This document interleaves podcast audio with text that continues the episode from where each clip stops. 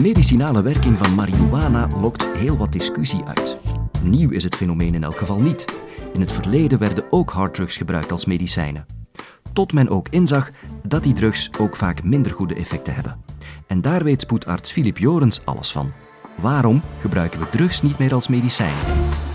Dit is de Universiteit van Vlaanderen.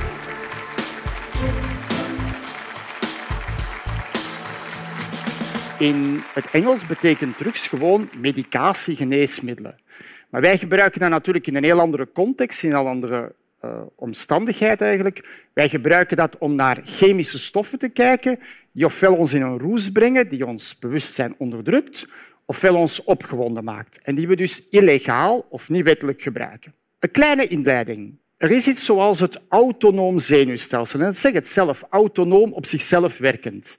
Dat zijn allemaal kleine vezeltjes die tot in elke spier, elk bloedvat, elk stukje van ons lichaam gaan en die eigenlijk uit twee verschillende soorten vezeltjes bestaan. Eén is de orthosympathicus, het opwindend systeem.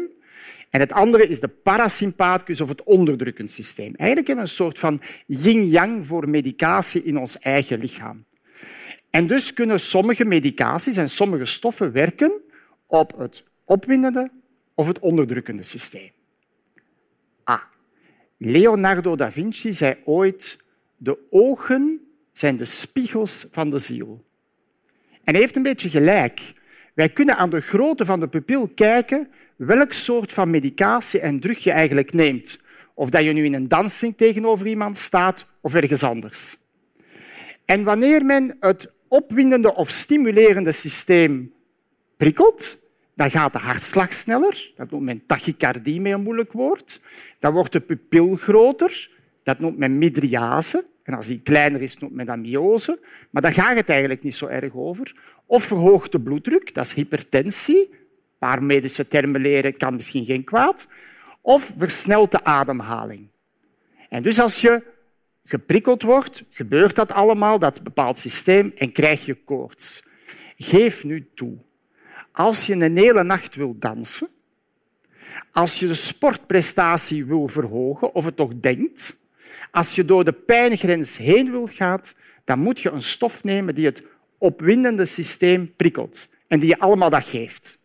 En zo zijn er omgekeerde zaken. Het onderdrukkende of het parasympathische systeem geef je dus een lage bloeddruk, een trage pols, een kleine pupil. En u kent dat, want dat is eigenlijk een appelflauwte. Dan valt de flauw en dan heb je een kleine pupil en een lage bloeddruk. We zijn bijna door de inleiding. Naast dat autonoom zenuwstelsel heb je ook het pijnsysteem. Wij realiseren ons dat niet, maar de grote uitvinding in de geneesmiddelen is eigenlijk morfine. Mensen leden vroeger ontzettend veel pijn. En als je aan iemand morfine of een pijnstiller, een sterke pijnstiller geeft, dan onderdruk je de pijn, maar ook alle andere functies. En als je dat weet, kunnen we starten. Want we delen artificieel die medicaties of die drugs in in stoffen die prikkelend, opwindend zijn. En dat zijn amfetamines, cocaïne, hallucinogenen, producten die u waanbeelden geeft, die denken dat de wereld er helemaal anders uitziet, en LSD. En omgekeerd zijn er onderdrukkende middelen die dat onderdrukkend systeem prikkelen. En dat is marihuana, heroïne, vloeibare ecstasy of GHB, lachgas en alcohol. En met die kennis in de hand kunnen we beginnen. We gaan eerst even naar de prikkelende stoffen, de stoffen die u beter doen voelen. En het voorbeeld daarvoor zijn de amfetamines of ecstasy. In de dansings Adam en Eva genaamd, of PMA of speed. Dat zijn dus synthetische producten. België en Nederland zijn de draaischijf omdat wij de beste apothekers en scheikundigen in de wereld hebben opgeleid, die dat dus fantastisch kunnen maken.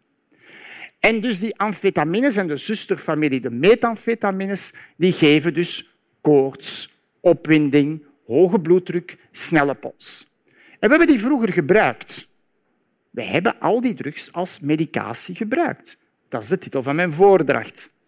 Amfetamines hebben we bijvoorbeeld gebruikt om te vermageren. Je smolt gewoon weg onder de amfetamines. Maar we hebben dat van de markt gehaald omdat niet alleen je vermagerde, maar er ook heel veel beschadiging aan al die organen via die zenuwvezeltjes ontstond. Dus de sproeimiddelen die je gebruikt eigenlijk in de neus om ontstopping tegen te gaan, is een soort van amfetamine-analoog. De minister van Volksgezondheid heeft die recent teruggeschroefd. Die kosten nu veel geld. En de soldaten. In de Tweede Wereldoorlog denkt u niet dat die Amerikaanse soldaten zomaar op die stranden in Zuidoost-Azië stormden zonder dat er amfetamine in hun eten was gegaan en dat ze natuurlijk niet wisten. De zusterfamilie van de amfetamines zijn de methamfetamines, crystal meth genaamd.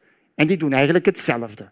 Die winden u op, geven u koorts. Je denkt dat het leven beter is. En de Duitsers kenden dat. Zij hadden de Stuka-tablet. Dus sommige van hun piloten kregen dat om de prestaties te verhogen, maar ze stortten neer. In de slag om de Ardennen hadden sommige van de panzerdivisies panzerchocolade bij zich. Dat waren methamfetamine. Ze schoten erop los, maar ook dikwijls verkeerd. Dus dat is het gevolg van het geheel. En amfetamines en methamfetamines zorgen voor een enorm snelle veroudering van het menselijk lichaam. En dus daarom hebben we die grotendeels van de markt gehaald. Ah. Wat amfetamines als synthetisch product is, is cocaïne eigenlijk als een natuurlijk product. Cocaïne is, komt, cocaïne en crack, crack is eigenlijk opgewarmd cocaïne, komt uit een plant die in Zuid-Amerika gekweekt wordt. En wat doet cocaïne? Hetzelfde als amfetamines, maar nog één dingetje bij. Het verdooft een beetje. Vandaar dat hier bij de apotheken op de Groenplaats in Antwerpen er cocaïne verkocht werd als keelmedicatie, om uw keelpijn weg te doen. De Amerikanen in de 19e eeuw verkochten bij de kwakzalvers cocaïne om tandpijn tegen te gaan. Nu, de kinderen die dat namen, die hadden geen tandpijn meer, maar die hadden wel ADHD avant la lettre, want die waren relatief opgewonden. Freud heeft een boek geschreven over coca. Hij bracht sommige van zijn patiënten in trance onder cocaïne. En Coca-Cola. In 1886 vond meneer Pemberton, weer zo'n slimme apotheker, een drankje uit dat hij Coca-Cola noemde. En de coca komt van cocaïne. In 1906 heeft de Amerikaanse regering het verboden. Dus als je nog een Coca-Cola-flesje uit 1905 vindt, dan smaakt dat anders en doet dat iets anders dan hetgene dat je nu al dan niet drinkt. Maar cocaïne heeft buiten zijn heilzame werking enorme bijwerkingen. Het doet de kransslagaders van het hart dichtgaan en dus krijgt het hart geen zuurstof en doet een hartinfarct, dikwijls bij jonge mensen. En ook al wordt het af en toe nog door neuskeel-oorartsen gebruikt om bloedloos te opereren en de pijn in de neus weg te nemen, wij hebben het zo goed als volledig omwille van de bijwerkingen weggehaald. Oh.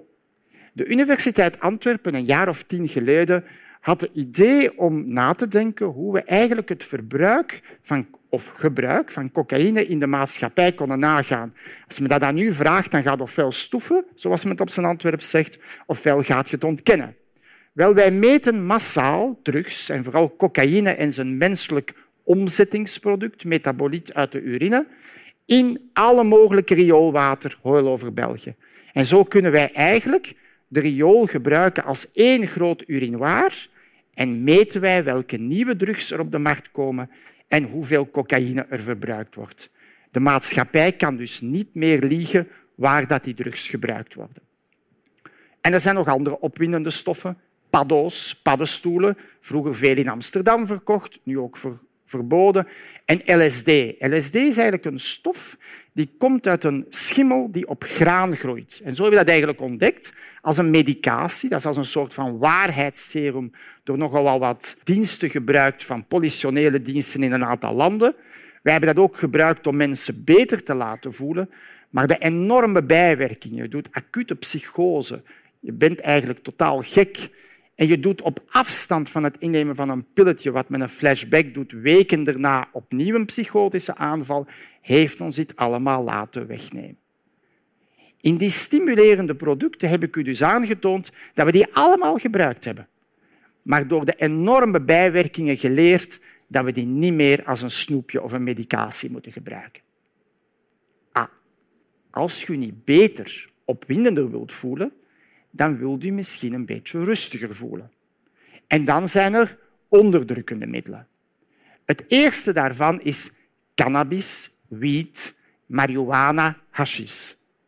Hars, plantenbestanddelen of bladeren, bloemen van eigenlijk een relatief mooie plant. Cannabis wordt natuurlijk meer en meer gepropageerd, voorgesteld. En inderdaad, sommige van de producten uit de cannabisplant hebben heilzame effecten.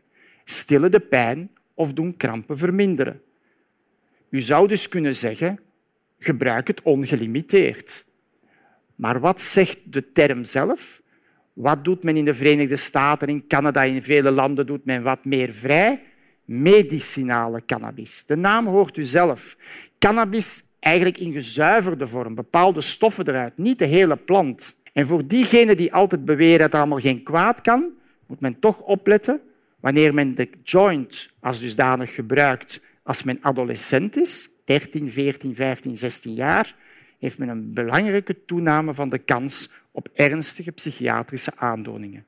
Dus ja, gebruik, maar als een geregistreerd geneesmiddel. Volgende onderdrukkende stof is heroïne. Ik had het u daar straks over morfine en pijnstilling. Heroïne is diacetylmorfine. Dat is eigenlijk een pijnonderdrukkend middel.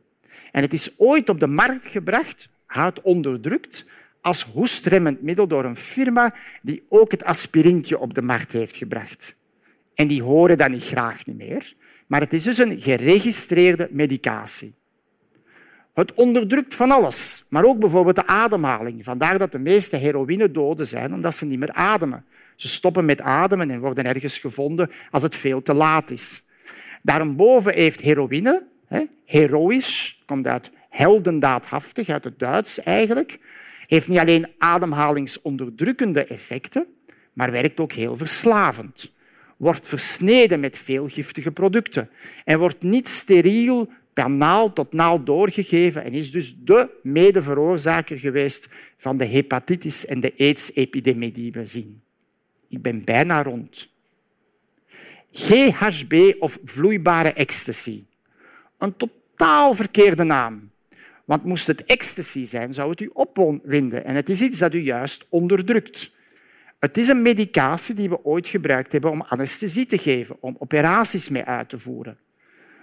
Maar dat doen we al lang niet meer, omdat het een heel diepe narcose gaf en eigenlijk onvoorspelbaar iets.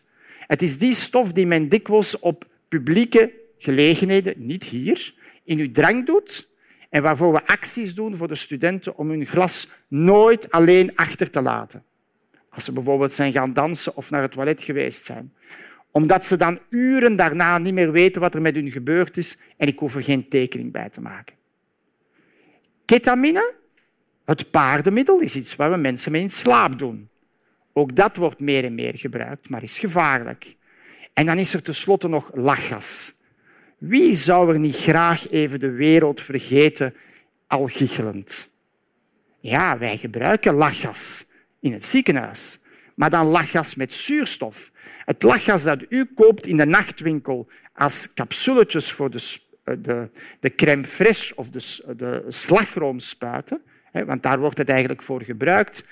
Wanneer u niet op tijd het van uw aangezicht, van uw neus en uw mond weghaalt, dan hebt u een gas ingeademd zonder zuurstof. Daar zijn we niet voor op de wereld. We zijn op de wereld om zuurstof in te ademen. En kan er ernstige hersenbeschadiging opgetreden worden en neurologische letsels omdat vitamine B niet meer werkt. Kortom, ik probeer u te illustreren dat die tekens van het autonoom en het pijncentrum ons geleerd hebben dat al die drugs misschien als een medicatie kunnen gebruikt worden, maar meestal zo sterke bijwerkingen hebben dat geen enkele dosis veilig is. Oh, en weet u wat de laatste rage is? Dat is combineren. Men draait ketamine in een joint, in de cannabis, twee keer een onderdrukkend middel. Als je in een hele diepe coma wilt geraken, moet je dat doen. En in de Verenigde Staten denkt men dat men goede apothekers is, want men combineert in de naam speedball cocaïne dat u opwint met heroïne dat u onderdrukt. Levensgevaarlijk. Niet honderden, maar duizenden doden in de US per jaar. Veel meer dan het verkeer door speedball. We hebben dus met schade en schande geleerd dat vele medicatie vele bijwerkingen hebben. We hebben naar Leonardo da Vinci geluisterd. De ogen zijn de spiegels van de ziel, grote en kleine pupillen. In de dansing gaat u nu herkennen wat degene met wie u danst ingenomen heeft. Iets dat opwindt of iets dat onderdrukt. Maar nog in een dansing, nog op een plein, nog thuis, is enige van die drugs ongevaarlijk. Als u dan toch een pilletje neemt, neem er dan een gecontroleerd pilletje vanuit de geneeskunde en de apotheek. Waarom drugs zo gevaarlijk zijn? Toxicoloog Jan Tietgat legde het uit in podcast 123. Heb je deze gemist? Luister dan nu en abonneer je op onze podcast. Zo hoor je elke week gratis en voor niks de interessantste wetenschapscolleges en sla je geen enkel college meer over.